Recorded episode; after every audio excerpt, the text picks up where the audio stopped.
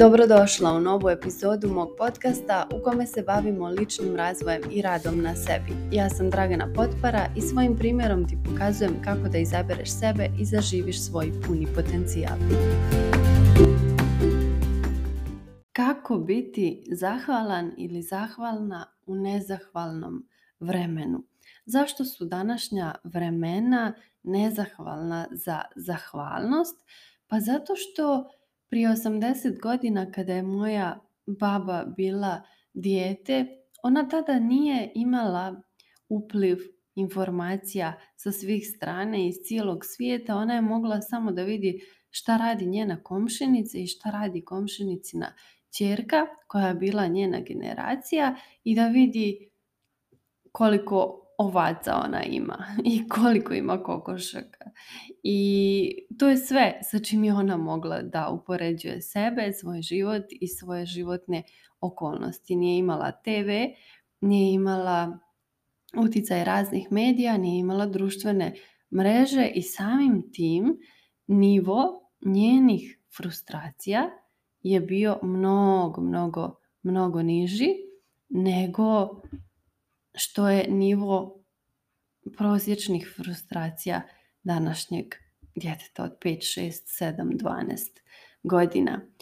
Svi nam govore da treba da budemo zahvalni za ono što imamo i to je u današnjim nezahvalnim vremenima vrlo teško zato što danas imamo na dohvat ruke sve živote. Toliko informacija o životima nekih ljudi koji su totalno nebitni za nas, za našu životnu inkarnaciju, ali mi ipak gledamo i pratimo kako oni žive. I zato mi danas pratimo influencerku iz Kalifornije i tiktokerku sa Filipina i vidimo šta sve ona radi, kako živi i odmah i mi želimo isto to. Onda pogledamo nekog plesača iz eh, Dubaja i to nam se sviđa i onda želimo i to. Onda pogledamo neku fitness instruktorku ili učiteljicu joge i sviđa nam se kako ona ide na Tajland na te neke retreatove i hoćemo i to. I toliko je nekih informacija, a sve te informacije su u stvari uzrok naše frustracije. Mi smo jednostavno prelivani time i ako ne znamo kako da se odbranimo od toga, to naravno utiče negativno po naše mentalno zdravlje i zato su ovo danas vrlo, vrlo nezahvalna i teška vremena za zahvalnost jer nam je fokus konstantno usmjeren na nešto spolja, na te tuđe živote, na njihov lifestyle, na to kako oni žive, a premalo vremena smo tu u sadašnjem trenutku, premalo vremena nam je fokus na našem životu. Tako nas naši ciljevi i želje vuku negdje mnogo daleko jer sada imamo toliko mogućnosti i sada vidimo šta je sve moguće i mi onda kao da smo dali sebi dozvolu da sanjamo mnogo dalje nego što je na primjer moja baka prije 80 godina mogla da sanja. I ti neki naši daleki snovi nas dovode do frustracije zato što su nam predaleko.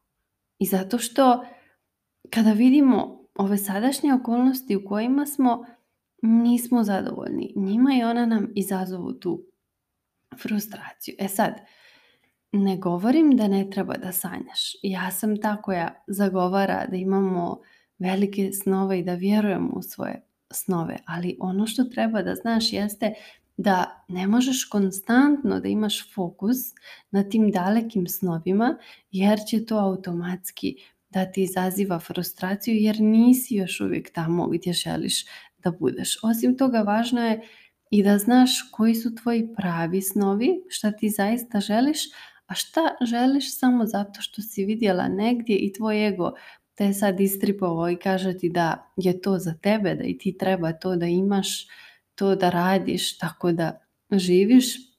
Kada to malo preispitaš, kada pročistiš tu svoju listu nekih snova i kad se vratiš na one svoje istinske, onda ćeš barem malo da smanjiš taj nivo frustracije kod sebe. I kako da budeš zahvalna? Znaš da je zahvalnost jedna od najbitnijih, ako ne i najbitnija tehnika koja će ti pomoći da budeš srećnija u danu i da nemaš konstantno prisutan taj osjećaj nezadovoljstva sobom, svojim životnim okolnostima i svojim životom. Šta prvo treba da uradiš? Prvo treba da se pomiriš sa situacijom i da prihvatiš situaciju. Ovu trenutnu situaciju u kojoj se sada nalaziš. Ako trenutno imaš, na primjer, određenu formu, oblik tijela koji ti se ne sviđa, a želiš to da promijeniš, prvo preispitaj te svoje razloge, ok? A onda, ako zaista vidiš da je tvoja namjera iskrena i to želiš da radiš zbog svog zdravlja, da, bi se ti osjećala bolje, da bi tvoje tijelo imalo više energije, ok, ipak u tom trenutku treba da prihvatiš tu svoju sadašnju situaciju, da se pomjeriš sa njom i treba da budeš svjesna da ćeš uvijek željeti još u ovom životu. Uvijek ćeš imati neke želje, uvijek ćeš imati neke snove, uvijek ćeš htjeti da dođeš od tačke A do tačke B. Uvijek ćeš željeti ono nešto tamo, daleko, u budućnosti. I ako imaš tu svijest da mi ljudi imamo to u prirodi, da uvijek želimo nešto više. Konstantno osjećamo neš, neko zadovoljstvo zato što nemamo to nešto više. Ali ako ti osvijestiš da će ta neka želja u budućnosti uvijek biti prisutna i da nikad nećeš biti baš tamo skroz gdje želiš da budeš, jer i kada budeš na tom mjestu javit će se neka druga. To je normalno i to je prirodno jer da nemaš onaj neki cilj za budućnost, da nemaš tu neku želju koja je sljedeća, onda ne bi ni bila više živa, završila bi svoju inkarnaciju i svoju svrhu na ovoj planeti i što znači da dok si tu, dok živiš, uvijek ćeš željeti nešto više. I onda kad si svjesna toga da će to nezadovoljstvo zbog te neostvarene neke želje iz budućnosti uvijek biti prisutno, onda treba da naučiš kako da što bolje prihvatiš ovu situaciju u kojoj se nalaziš i kako da se pomiriš sa njom. Kada krene ta neka tvoja frustracija zbog toga što nisi ispunila neku želju, zbog toga što stvari presporo idu, što treba da kažeš sebi? Treba da kažeš sebi kasnije ću na to misliti, ajde sad da vježbam zahvalnost. Zato što ponekad nas sve te naše želje i snovi ponesu predaleko i previsoko u oblacima. A onda se vratimo u našu realnost koja je mnogo, mnogo daleko od tih naših snova i ne liči na ono što mi želimo. Mi nismo takva osoba kako želimo da postanemo. Naš život ne izgleda tako kakav mi želimo da naš život jeste. I sve okolnosti u našem životu su skroz drugačiji od onoga kakvi mi želimo da te okolnosti budu. I zato je to razlog za mnoge naše frustracije, ali kada one krenu, nešto što ti možeš da uradiš u trenutku jeste da kažeš sebi ajde kasnije ću na to misliti, kasnije ću brinuti o tome. Znaš, onu vježbicu možeš čak i da zakačeš vrijeme, da kažeš sebi ako si sad našto trenutna, trenutno nervozna i krene ti neka briga i ti možeš da kažeš sebi ajde neću sad brinuti o tome, ajde kasnije ću brinuti o tome. I zakažeš, na primjer, vrijeme, ajde brinuću o tome od 5 do 5 i po. Ajde da tad izbrinem sve brige koje imam. I onda tad od 5 do 5 i po ti ćeš i zaboraviti. Ili ako se sjetiš, ok, super, briniti ih pola sata. Bolje to nego da ti je čitav dan pokvaren tom brigom. I to je neka super vježbica koju možeš da radiš i u ovom slučaju kada ti krenu neke misli i nezadovoljstva i neke frustracije, samo ćeš sebi da kažeš ajde kasnije ću na to misliti, ajde u pet ću da brinem o tome što se moja želja još nije ostvarila, što se moj san još nije realizovao, što sve ide tako sporo, mnogo sporije nego što bih ja željela i, i nego što mislim da treba. I kažeš da ćeš da brineš tada, a sada u ovom trenutku ćeš da vježbaš zahvalnost. Jer zahvalnost je nešto što treba da se vježba, to jest ti ne vježbaš zahvalnost, već vježbaš svoj mozak da bude zahvalan, vježbaš to da nje, njegov fokus usmjeriš na zahvalnost jer je fokus tvog mozga obično usmjeren na tom nezadovoljstvu i na tome šta nemaš i na tome gdje tek treba da budeš, gdje treba da stigneš i zbog toga, pošto ti je taj fokus uvijek negdje, gdje nisi još stigla, ti se osjećaš loše. Ja ću sad da ti dam moj primjer kako sam ja vježbala zahvalnost u nezahvalnim vremenima. Kada sam bila student, kada sam upisala magistarske studije u Kopru u Sloveniji, naravno student koji dođe iz Crne Gore nema neki budžet i taj budžet koji sam ja imala na raspolaganju je bio jako mali i skoro nedovoljan za slovenački standard koji je viši nego naš. Na početku sam našla neki stan i tu sam živjela sa još dvije cimerke, a to je bio neki mali jednosobni stan, jer naravno sam samo to mogla da priuštim u tom trenutku i jedna cimerka je živjela u toj jednoj sobi, a ja sam živjela, to jest moj krevet je bio u jednom prostoru zajedno sa tom drugom cimerkom. To je bila neka naša improvizovana spavaća soba od dnevne sobe, a od kuhinje nas je samo dijelila neka pokretna mrežica i ujutru kada bi ova treća cimerka izašla iz svoje sobe, počela nešto da kucka, lupka, kuva u kuhinji i to je naravno prolazilo sve kod nas i nismo mogle normalno da spavamo ili naravno svaka cimerka ima svoje navike, svoju neku rutinu, neka će da ostane duže do kasno, pa će da spava ujutru, neka će da ustane ranije, uveče želi da spava, ali ne može zato što ove dvije lumpuju i tako dalje. Znaš da tu dolazi onda do mnogih nesuglasica i neslaganja, ali šta da se radi. Tada sam morala da živim u takvom okruženju i to okruženje mi naravno nije prijalo zato što sam ja osoba koja voli da ima neki svoj mir, neki svoj prostor, neku svoju energiju, ali u tom trenutku nisam mogla sebi da priuštim taj svoj prostor i morala sam da se prilagodim okolnostima koje mi nisu prijale.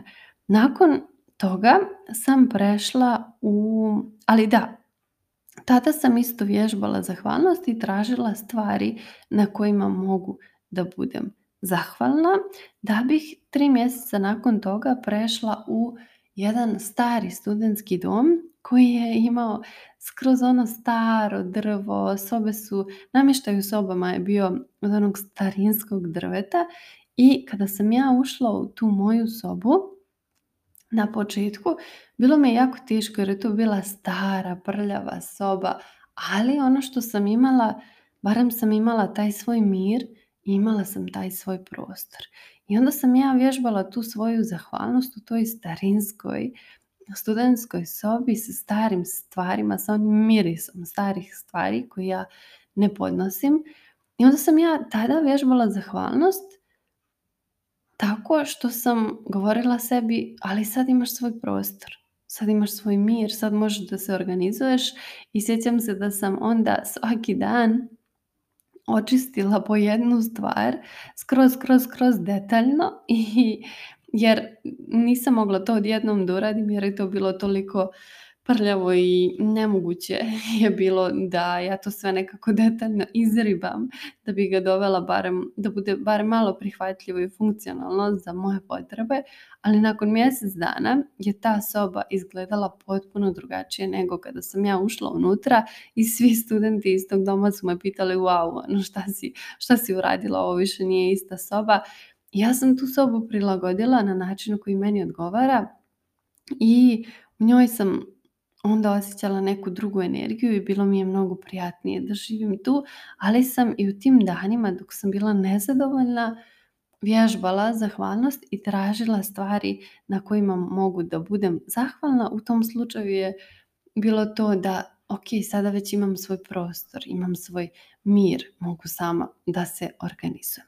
Tako sam vježbala i dalje zahvalnost u toj sobi, a godinu dana nakon toga kada sam završila sa predavanjima na faksu, nisam morala više da živim u Kopru onda sam se preselila nazad u Ljubljanu u septembru sljedeće godine i tada sam dvije nedelje provela na stanu kod drugarice dok sam ja tražila svoju sobu.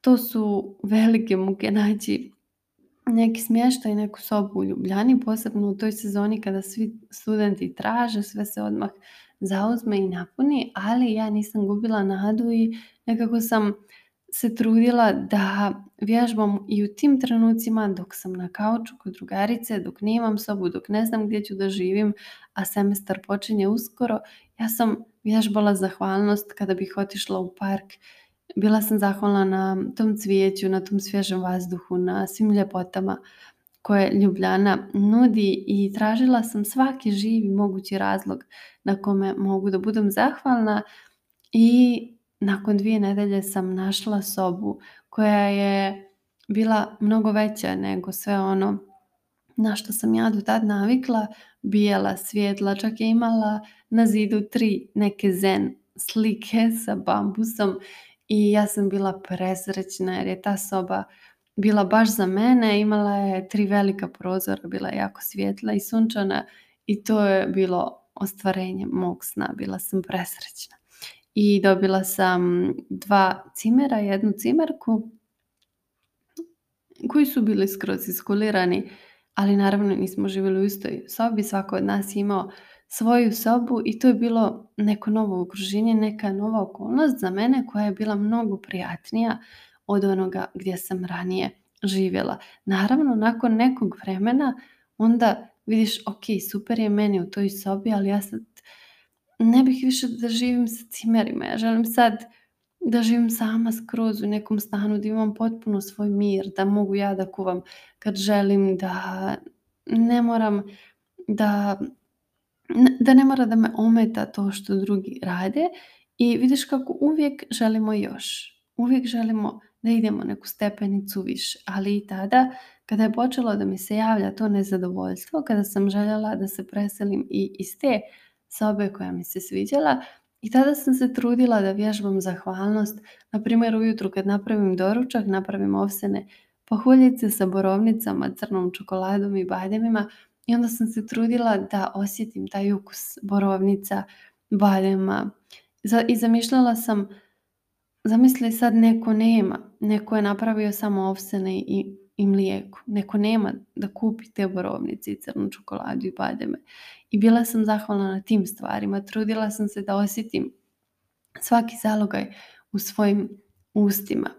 I to su neki moji primjeri kojima ti pokazujem kako sam ja vježbala zahvalnost, kako sam usmjeravala svoj mozak da ima fokus na onim stvarima na kojima može u tom trenutku da bude zahvalan. I zašto je važno da doktoriraš zahvalnost i da izvježbaš mozak da mu bude fokus na zahvalnosti? Pa zato što ako to ne uradiš ti i kad ostvariš tu želju koju si dugo željela i kad dođeš do tog sna koji, koji si željela da realizuješ.